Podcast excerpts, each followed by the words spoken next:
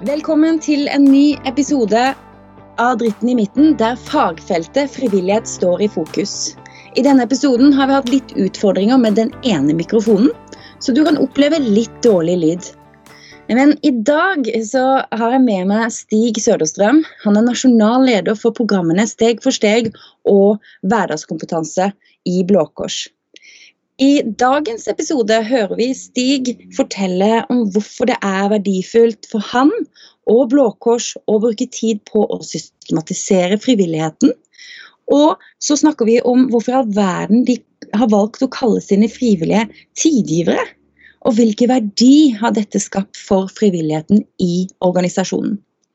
Stig han har lang erfaring i organisasjonslivet og forteller bl.a. om hans tid i Røde Kors og hvilke strategiske valg han gjorde for å få enda mer kunnskap om frivilligheten og de frivillige. Etter et godt Google-søk eh, på deg, Stig, så ble jeg imponert. Velkommen skal du være. Tusen takk. Jeg liker jo tittelen din godt, eh, Stig. Eh, Særlig det her med leder for eh, hverdagskompetanse. Og nå nærmer vi oss jul, og har du noen høytidskompetanse også?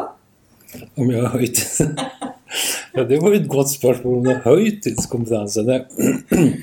Nei, det vet jeg ikke om jeg har, kanskje. Men, men hverdagskompetanse er vi veldig opptatt av. Og det er noen kompetanse som mange tar for gitt. Nemlig den kompetansen bare å leve det her vanliga livet som noen av oss ibland kan tycka blir til og med litt kjedelig. Og litt for vanlig. Mm. Så glemmer vi bort at det er mange mennesker som kanskje ikke har fått med seg den hverdagskompetansen på hvordan mestre dette livet. Så det brenner jeg for. Mye av de tingene dere i Blå Kors jobber med i dag, er jo utrolig viktig. Det som jeg nevnte tidligere, som du har veldig hjerte for, virker det som. Det med utenforskap, ensomhet og en god kompetanse for å mestre eh, det virkelige livet. Mm. Så eh, ja, jeg, jeg har veldig stor respekt for den jobben dere gjør, eh, Stig. Men jeg vil jo bare nevne en liten Eller jeg hadde en kjøretur i går. Jeg og samboeren min kjørte hjem fra Arendal. Og han spurte ja, hva er dagens tema da, for podkasten. Nei, med stort engasjement så sier jeg du, det er verdien av å sette frivilligheten i system. Nei, så kjedelig, sier han. og da tenker jeg, hva er det vi egentlig snakker om når vi snakker om systematisering av frivilligheten og i frivilligheten? Og hvordan tar man egentlig et sånt tema ned på jorda? Hvordan kan man konkretisere det her, Stig? Alltså jag är ju enig med Kerstin. Alltså, bara ordet, begreppet system så kan man ju bli lite trött. Eh, eh, men för mig så är det ganska... Alltså, jag lärde av en, en av ledarna när jag nyss bytte i Röda Kors. Alltså, vi fick en sån här lapp, vi hade en sån här workshop och så fick vi en lapp som vi satte på arbetslampan. Och det var att det ska vara enkelt att vara frivillig. Mm. Om det ska vara enkelt att vara frivillig så må ju tillrättaläggas för den. Och, och, och då kommer du inte undan eh, och laga ett system. Du måste ha ett system för det för att tillrättalägga efter bästa ämne. För att frigöra den kraften som finns eh, hos de frivilliga. Mm. Og, og, men hvordan har dere da konkret jobba med det? När jag började i Blå Kors så, så gjorde man som säkert många organisationer gör och kanske fortsatt göra. Alltså, då satt ju alla de här lokala enheterna runt i byarna i Norge och, och hade sina frivilliga och, och eh, hade systemet på Excel-ark och man kommunicerade med sms kanske. Och så var det ju någon utfordring, för det var ju, nu är det bara 5-6 år sedan, men likväl var det inte alla som hade mobiltelefon, så då kommunicerade man på mail och så började man upprätta grupper på SoMe. Alltså, och helt plötsligt, då, då tänker du... Alltså jag reflekterade, för jag var ju då frivillig i en idrottsklubb och har fem barn. Och då är det klart att när jag ska vara på tre olika plattor och så ska jag vara med på, och så kommer det tillägga alla skolorna och klasser. Alltså, det var så otroligt vanskligt att hålla översikt bara för att följa upp kidsen mina. Och lite sån var det för de frivilliga också. Så, så för, och så startade vi på en gång först må vi en fälles. Så att vi, liksom, där vi sikrar, vi vill ju kvalitetssikra alla de här frivilliga, att de har fått de kurserna de ska ha, de som ska ha inhämtat politiattester. Så, alltså så må ju, Visst Dagbladet ringer och det sker någonting, någon städ, så ringer de till generalsekreteraren. Då må ju han, kommer han till mig som är nationellt ansvarig för tidgivarsatsning i Blåkors. Och då må jag kunna svara, har alla politiker som ska ha det? Då må jag kunna svara ja. Och då må jag till systemet gå in och veta att det faktiskt sker och har gjort och blivit gjort. Och blir gjort. Eh, så det är ju en måte att man har en databas. Men sen är det ju att säkra kommunikationen. Och, och då tänker jag, alltså igen tillbaka, alltså att, att tänk för frivilligt att kunna ha ett, alltså ett ställe där man, får, där man får alla uppdrag man har. Och om man är medlem i Blåkors så har man det där. Man, har, eh, ja, man kanske är frivillig på olika platser i olika typer av verksamheter eller tilltag i Blåkors så har man allt samlat på en plats. Och, och när vi som organisation har behov för eh, vi ska ha ett enkelt arrangemang så är det ju dejligt att bara lägga ut det arrangemanget så går det till alla våra tidgivare. Och så kan du, ja men det här kan jag tänka mig att bidra med på söndag om 14 dagar. Så mäler jag mig på genom att trycka på en knapp. För att se det väldigt enkelt då. Det tänker jag är att ha system. Men när du säger ett eh, form här och ett Excel-lapp där och sms där. Ehm, men lite sån digitalt utanförskap och du har, det har väl inte bara unga frivilliga? Hvordan takler de som er litt eldre dette, da? Eh, de som är vant til å få alt på sms? Det, det, är ju ofta, det, alltså min erfaring där, eller vår erfaring är att jo, det är klart det är någon äldre som också har alltså digitalt utanförskap kan du kalla det, men som bara liksom har en, en, en, kanske en motstånd mot eller man kanske inte har lärt sig verktygen. Men det är överraskande få. Mm. Så jag tror det där är en förut, kanske en förutfattad mening också. Att, att de äldre inte hänger med i timmen. Eh, sen vet jag att man har kört i Röda Korset har man ju kört ett projekt där i, i, om det är tre år i alla fall, just runt begreppet digitalt utanförskap. För att tillrättalägga med andra frivilliga för att hjälpa äldre till att lära sig de här plattformarna och eh, ja, bara bruka PCn och lära sig sociala medier och det er egentlig veldig kult at du sier, og litt uh, gøy for alle de, uh, den eldre generasjonen, babygenerasjonen, som sitter og hører på oss i dag. Jeg vet ikke hvor mange det er, men det er litt fint for de å høre. For de sier jo alltid at ja, de eldre de klarer aldri å følge med, men selvfølgelig er det noen. Og det er veldig kult å høre at i Norge så er det ikke så galt. For hvis du går til vårt naboland, ikke Sverige men i Danmark Jeg snakka akkurat med de bare for noen uker siden uh, hva de opplever, og det er at de eldre sliter. Uh, så kanskje de må inn og sjekke hva Røde Kors har gjort, eller spørre andre om de sin erfaring, eller rett og slett at de kommer til oss og hører hva vi har gjort. For at jeg opplever jo at vi nordmenn ofte reiser till Danmark för att bli inspirert av frivillighet och mm. samskapelse. Mm. Alltså nu kan ju inte jag svara för hela Norge här. Men i vart fall i Brugge, jag får inte tillbaka från våra lokalledare att det är något stort problem. Nej. Att det är någon stor utfordring. Men sen tänker jag, men om det nu är så i ett lokalförening, man kanske har många äldre och, och som inte har kommit så långt på eh, och förkova sig kunskap om, om dessa liksom, verktygen som finns. Ja, men då är ju den anledning till att faktiskt upprätta ett sådant tillbud då.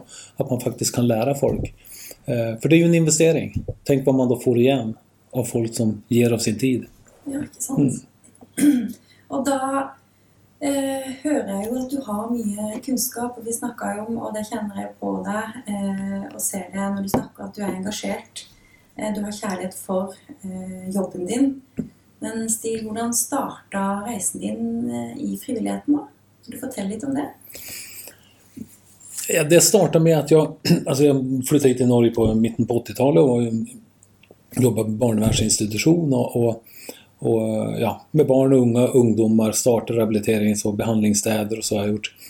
Och så såg jag en stilling som Röda Kors utlyste eh, där man skulle bli projektledare för att de önskade då, eller de skulle, de, det var ett landsmöteövertag som hade blivit, eh, där man skulle hjälpa folk med rus, psyk och krimbakgrund till att bli mer inkluderat i samfundet.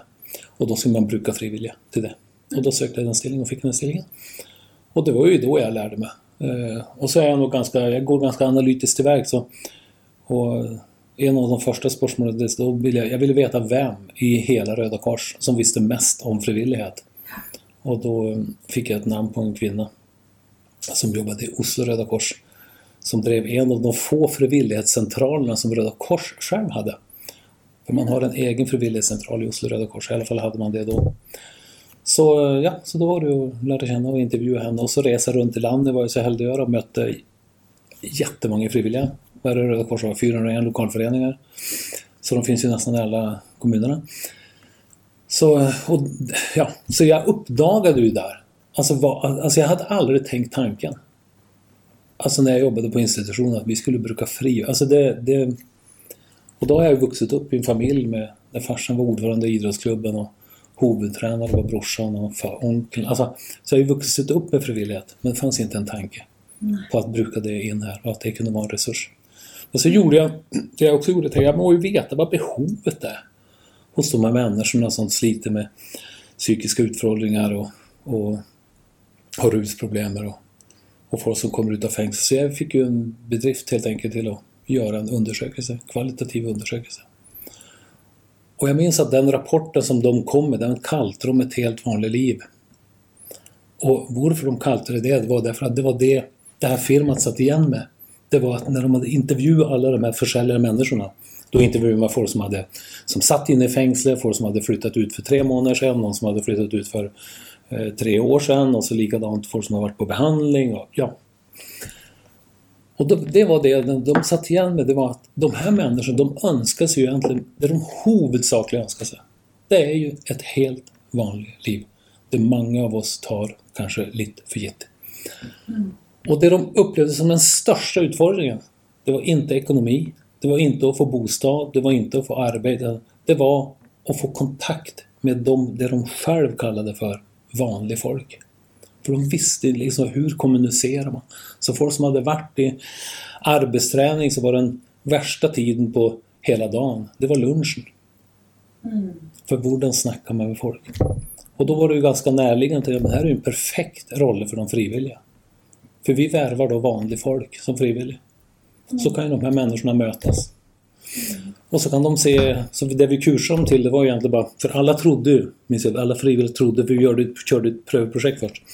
Och då sa de det att för vi blev frivilliga så var vi så överbevisade att nu må vi verkligen kursas. För nu ska vi möta någon människa som egentligen tränger specialister. Och så må vi kursas i olika diagnoser och rusmedel och hur man ser om folk är rusa och icke och hur de hanterar. Men nu när vi varit frivilligt så ser vi att det vi egentligen må kursas mest i det är att klara av att fortsätta vara oss. Precis som vi är, de vanliga folken. För det är den kompetensen vi ska dela. Mm. Mm. Så, ja. Men, gör, gör, gör, ger det mening? Ja. det ger mening. Stig. Mm. Jag blir, så, ja, jag blir bara så grepet när du pratar och, och snackar om det. Och det är ju egentligen det, ja, det helt vanliga livet. Eh, det är mm. ingen magi, men de ønsker jo egentlig bare ja, hverdagslivet, som du sier. Mm. Eh, når man kartlegger behovet. Og det er det de ønsker. Og da er det kanskje ikke behov for for mye kursing, men for at noen frivillige skal føle seg trygge, så er det vel sikkert behov eh, for at de får kurs. Og da er jeg litt nysgjerrig eh, Nå hopper vi jo tilbake til Røde Kors. Nå er det jo Blå Kors du har vært med i mange år og har gjort mye fantastisk der. men men när du då gick runt och reste runt och besökte många frivilliga, jag vill ju tro att det var otroligt inspirerande. Alltså i byn, lite grann var det så i, i Blå Kors också. Vill jag, säga. Så jag tror det här är ganska, jag tror inte det är speciellt för Röda Kors. Mm. Men, men, men det jag upplevde där var att, alltså... Jag mötte nog mycket folk som... Alltså vad är det det skrivs om? När det skrivs om folk med psykiska hälsoproblem eller med eh, rusproblematik eller folk med kriminalitet. Alltså, det är inte så väldigt ofta vi hör succéhistorier. Så, så om jag säger man i gata har någon ganska en, en viss bild av folk som sliter med rus eller sliter med psyk eller krim. Mm. Och då blir det liksom en väg att ja men hur ska jag bidra? De här människorna tränger ju specialister. Och så uppdagade vi någonting annat. Men de tränger ju de tränger specialister också, självsagt. Många av dem mm. tränger ju det. Precis som alla vi andra människor tränger specialister ibland. Men, men här var det ju en väldigt tydlig roll, någon som var ättespurt. Och, så det jag gjorde, det, det var ju runt och, jag var runt och föreläste väldigt mycket. Och eh, det jag föreläste om det var ehm, eh, att, jag tror, om, att få folk att känna igen sig. Och det är jag väldigt upptatt av. Om, man, om vi, folk ser efter likheter så kommer vi, oavsett vem vi möter, om vi ser efter likheter, då kommer vi att uppdaga att vi är mycket mer lika än ulik. Oavsett var man kommer ifrån, vilken bakgrund, uppväxt, vad man har gjort tidigare i livet. Ser vi efter likheter så är vi mycket mer lika än ulik. Och det var det jag var nött att göra. Jag var nött att när jag var liksom på distriktsårsmöten, lokalföreningsmöten, de här alltså att känna igen sig i känslan, säger man på svensk. För alla har följt på social ångest. Alla har varit, haft nedturer i livet. Alla har följt på utanförskap. Jag har i vart fall aldrig mött en människa som aldrig upplevt ett utanförskap. Det kan vara att man går på en, en middag när grabben har begynt på skolan och så är det någon förälder som inviterar på middag och så kommer man dit och så är man ganska nyinflyttad och så sitter de andra och så känner de varandra sen förr och så sitter de och pratar och kämpehyggligt. Då följer man en födelse av utanförskap där och då. Eh, ensamhet, vem har inte känt på att vara ensam? Så, så känna igen sig i de här känslorna, då, då kan man känna en typ av likhet och, då, och när man känner likhet så kan man känna en typ av tillhörighet. Eh, så det var mycket av det jag gjorde. Och då, då skönte ju folk vad man faktiskt skulle bidra med. Det blev liksom en logik. Eh, och det är ju egentligen det kursen handlar också om då, tänker jag. Mm. Eh, det, det, är att få folk att vara sig själv. Att eh, bli flink på gränssättning. Att man är bevisst. Eh, för när vi blir glada med folk också, då, då kommer du ganska fort, om jag upplever att jag ja, ska bidra dig med någonting, så, så kan det fort komma en hjälpareflex. Att jag ska in och hjälpa folk. Och det är ju inte alltid säkert det är det bästa, att jag ska hjälpa folk. Mm. Eh, utan faktiskt la folk gå vägen själv. Är det inte folk som sjunger det? Om att du ska ja, gå vägen samman Ja, det är någon sort. Ja. Men, ja, det, och, och då, som du säger att de frivilliga kanske må bara förstå att de ska bara vara sig själva. Mm. Eh, och att de ska våga vara ärliga om at ikke de er perfekte. For det vil jeg jo tro er viktig for ja, de brukerne av de eh, tjänsterna har mm. behov för att höra. Mm, absolut. Det, Precis som vi alla har.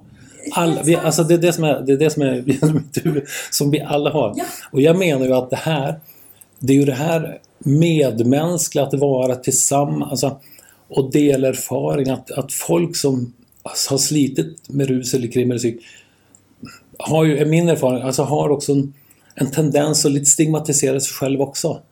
De tror att allt är för att man sliter med den psykiska sjukdomen eller att man har rusat sig. Och när man då möter vanliga folk som inte har gjort det och så får man höra, men du, och gå in på det här träningscentret där du inte känner en enda människa, då har du faktiskt lust att snu i dörren. För du upplever ett utanförskap, det är helt normalt. Mm. Men det kommer att gå över, det kommer att gå bra så, så, så är väl det den viktigaste rollen som frivilliga har. Jag är inte så upptatt av aktiviteter. Nej. För jag tycker inte aktiviteterna är det viktiga. Det är inte så viktigt om du spelar schack eller uh, går och bowlar eller whatever, vad du nu gör. Går en tur. Utan det är just mötet mellan människor, det är där kraften är. Det, det kan vi ju snacka länge om. Mm. Uh, jula är ju rätt runt hörnet och då är ju ett speciellt tema som är viktigt för många. Men det att vara ärlig med att vi alla har det så, tror jag är viktigt eh, att tørre å snakke om. Men når vi nå snakker om det kjedelige eh, Ikke det kjedelige, men temaet idag som noen kanske syns är kjedelig, men som jag syns att du på en måte har satt väldigt konkret på jorda. Eh, altså verdien av att sätta frivilligheten i system, ikke sant? og hva, hva det ger en, og hva det ger de frivilliga. Og jeg vet jo at dere er jo helt i starten av en implementeringsprosess mm. med et system som du allerede har snakka verdien om, som skal gagne de frivillige og de ansatte. Mm. Um, jeg forventer ikke at du har noe svar på hva dere gjorde for å lykkes. For dere er helt nye. Men heller hva du tror er viktig for å lykkes med en god implementeringsprosess.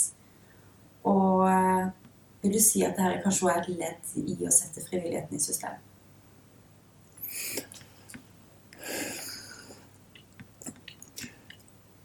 Alltså jag tror man må, alltså att, att, klara av att lyckas så tror jag man får eh, Då må alla de här lokala, alltså he, säg nu, nu ska hela Blåkors, vi ska in i detta systemet. Från en eh, lokal förening som, där de, de tidgivarna stort sett är de som sitter i styre och så kanske de samlar in pengar eh, och gör, kör någon vad heter det, eh, ja, nu glömmer jag både norska ordet. Mm, där man samlar in ting och säljer ting och så får man in medel. Alltså det gör nog, och så har vi en stor förening i Kristiansand som har 650 tidgivare. Det är klart det är en stor forskare, men jag tror att alla må se och följa på värdien av, alltså varför ska... För, jag vet inte om det bara är jag, men alltså om det kommer ett nytt datasystem så står jag ju inte bara och jublar på jobbet. För det är lite slitsamt. Jag vill gärna ha frukten av det goda, men att sätta sig in i system och lära sig, det är lite slitsamt.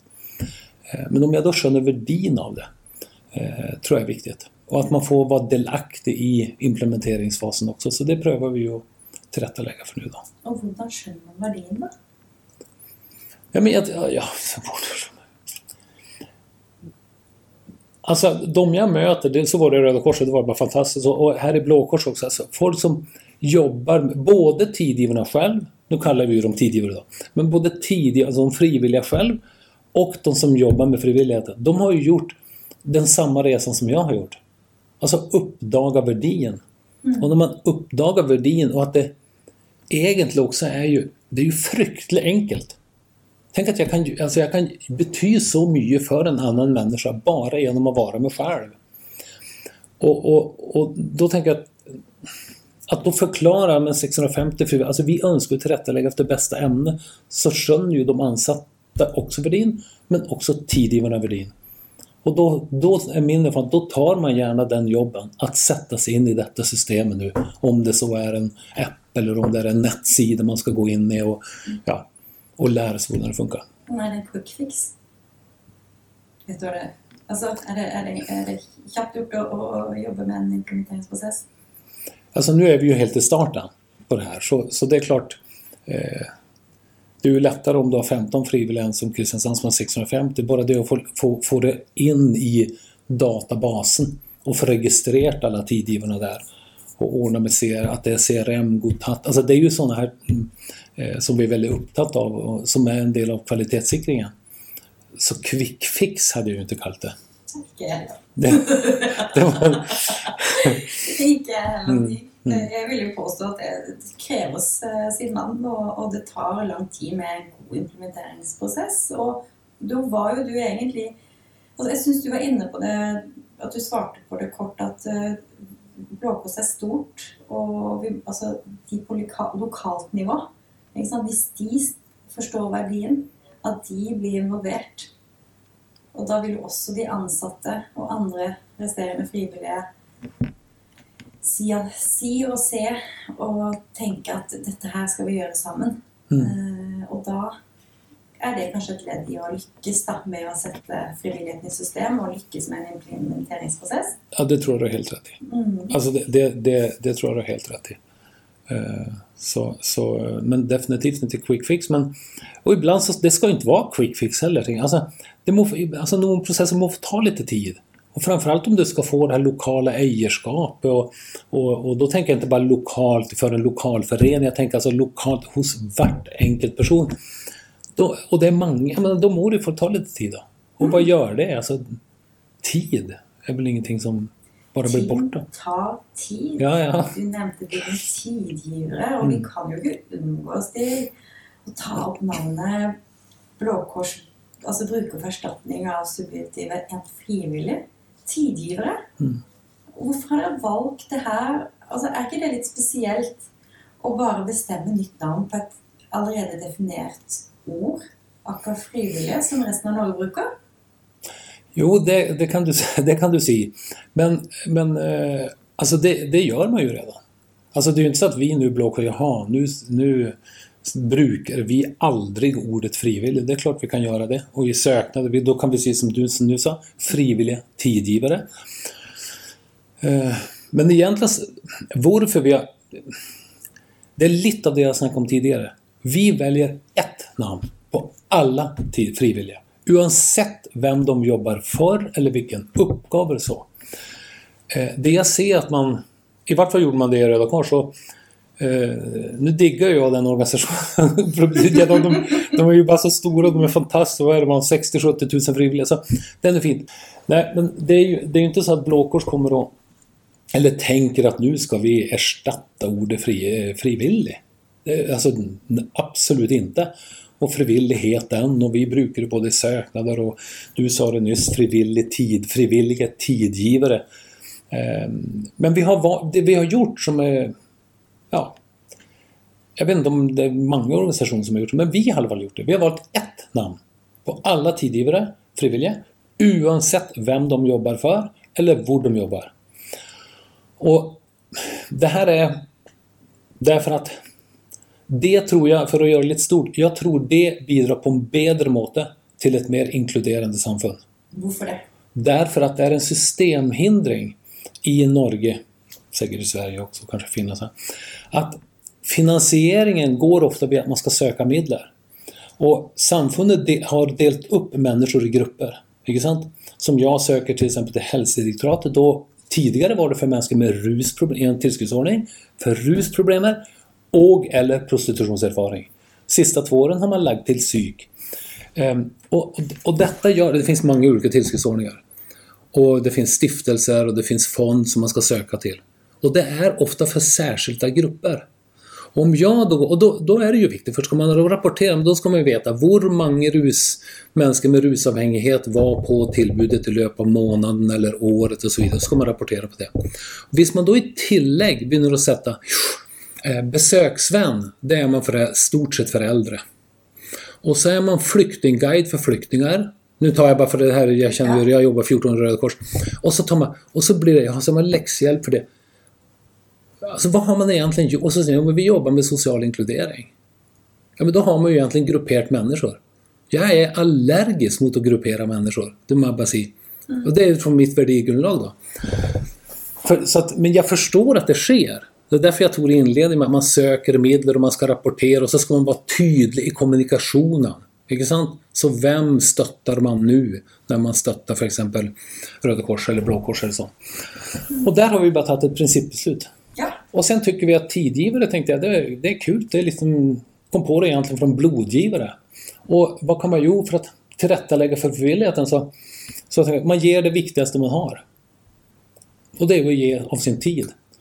Och du behöver bara vara med och så tänker jag till så kan bedrifter, de kan sätta in. Eller du kan göra det som enkelperson. Om du inte vet exakt här och nu, runt jul, så vi kommer på nu vill vi stötta en organisation. Hur kan jag göra? Så kan man gå, ja, tid ja, men jag vet inte om jag vill stötta gatunärt tilltak i Oslo eller som heter Kontaktcentret eller mm. Steg för steg i Bergen. Så. Ja, men då kan man sätta in tid på vårt tidkonto. Så kan vi kontakta dig när vi behöver din tid. Så då kan du sätta in 20 timmar. Och så tar vi och loggför detta och så kontaktar vi dig. Hej Silvia, nu vill vi gärna få plockat ut 10 av de här timmarna på en uh, gategrej. Vi ska ha en aktivitet, vi ska i Frognerparken på ja, tre månader. Typ. Så, så då blir det liksom som en tidskonto. Och det tycker jag var lite kul. Där man kan sätta in så kan man plocka ut. Det här är grejerna till att ja, kanske nästa gång. Vi måste kanske pratas eh, om ett år igen och höra hur det går med dessa tidgivarna. Mm. Och jag syns ju det är eh, väldigt intressant att höra hur ni har tänkt. Mm. Och att man bara kallar alla Eh, for tidligere. Jeg, hvis jeg får lov til å ta og gi en mening, men eh, i forhold til det med at dere har gitt dem et navn, så tenker jeg f.eks. på hva ja, Roskildefestivalen, som jeg hadde, Jula hadde nå for et par episoder siden. Vi snakka om eh, Roskilde Musikkfestivalen, og de har jo 40 000 frivillige, og hvordan har de jobba? ikke sant? Og en av de tingene som de har gjort for at ting skal lykkes, er jo bl.a.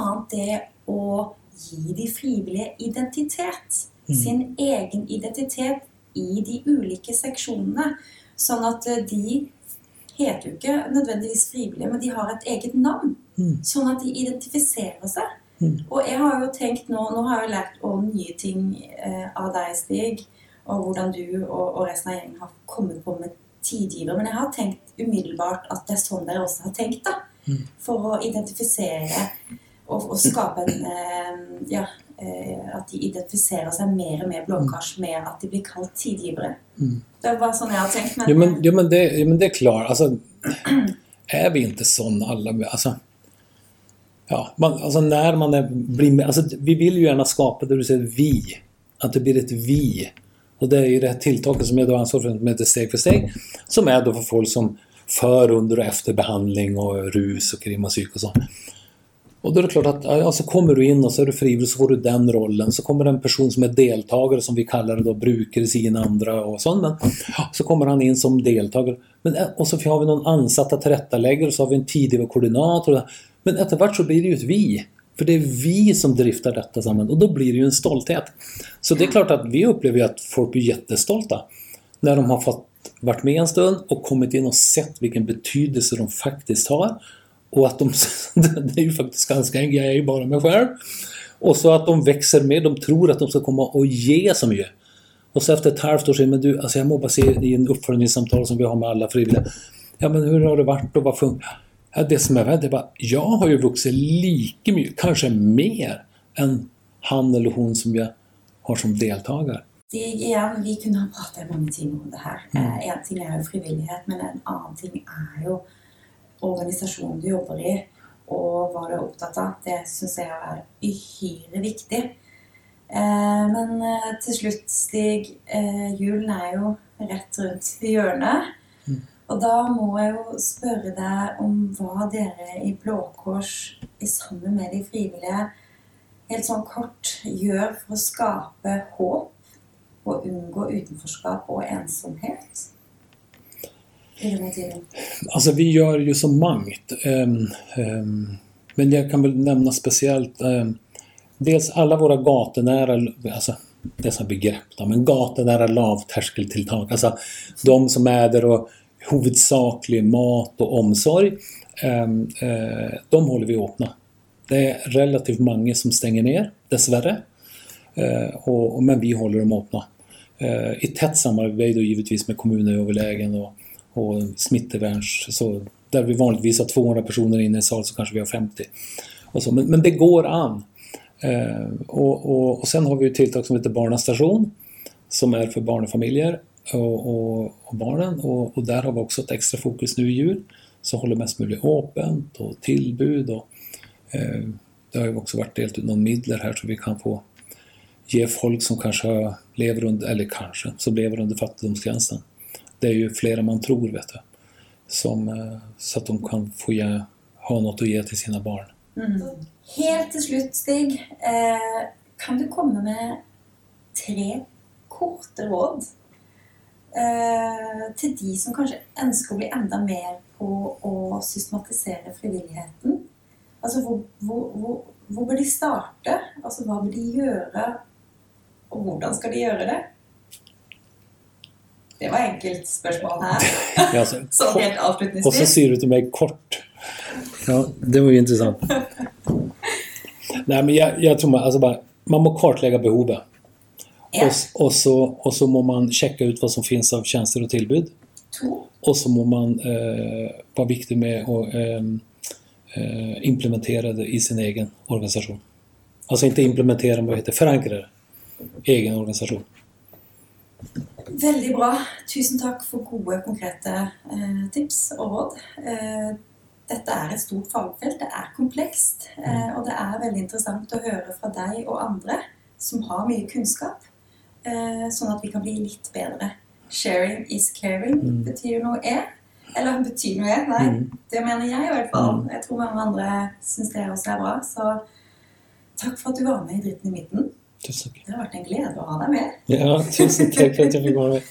En riktig god jul til deg og dine, eh, og masse lykke til videre i arbeidet dere gjør. Og 2021, hurra, det måtte det bli bedre enn i år. Ja, det får vi hoppa på. Takk for at du lyttet til vår podkast. Håper at det var til inspirasjon. Vårt mål er å sette fagfeltet frivillighet i fokus.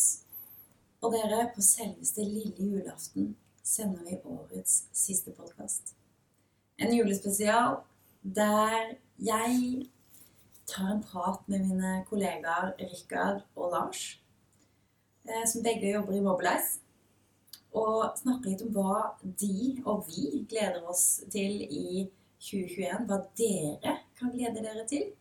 Eh, och Og ikke minst eh, vad hva vi har stått i, og hva slags utfordringer vi har hatt i dette året. Så håper at du blir med oss nästa neste uke. tack og takk igjen til Blå Kors og Stig. Og vi setter selvfølgelig stor pris på alle tilbakemeldinger fra dere lyttere. Allt alt ifra ris, ros og hvem dere vil ha med på neste podkast. Så send oss en mail på sylvia.moblice.no. Ha det! Snøkrystaller overalt. Så vakkert når det er så kaldt. Lysene de tennes omkring. Barna har fått røde kinn. Vi synger om julen. En tid for glede, en tid for sorg.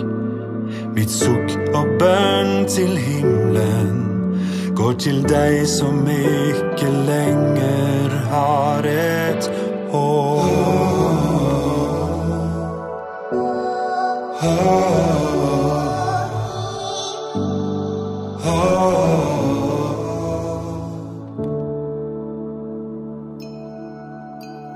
Sneen faller stille ned, gir hjertet mitt en stille fred.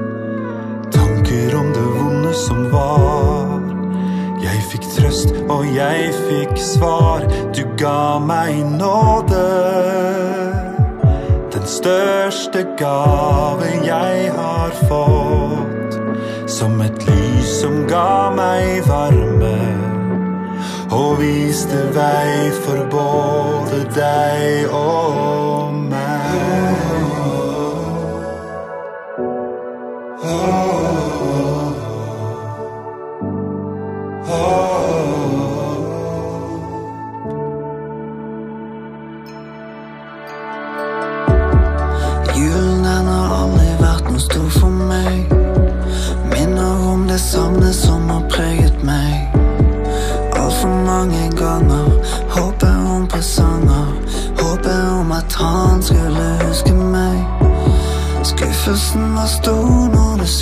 my